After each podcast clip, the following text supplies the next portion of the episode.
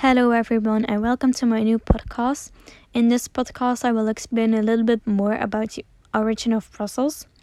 Brussels is founded as a collection of different agricultural lands close by a swampy area located on the Zenne. In the beginning of the 11th century, there came a port, and Brussels became a location where a lot of trade was done because of the growing area around it.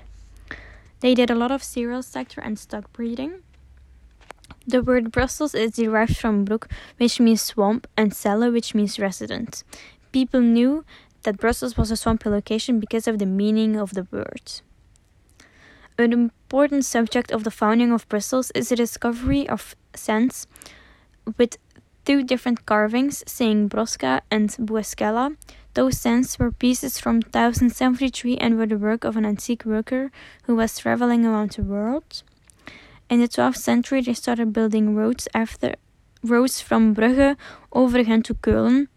Brussels took an advantage of these roads and started having commercial contacts with, with Flanders and the Rhineland.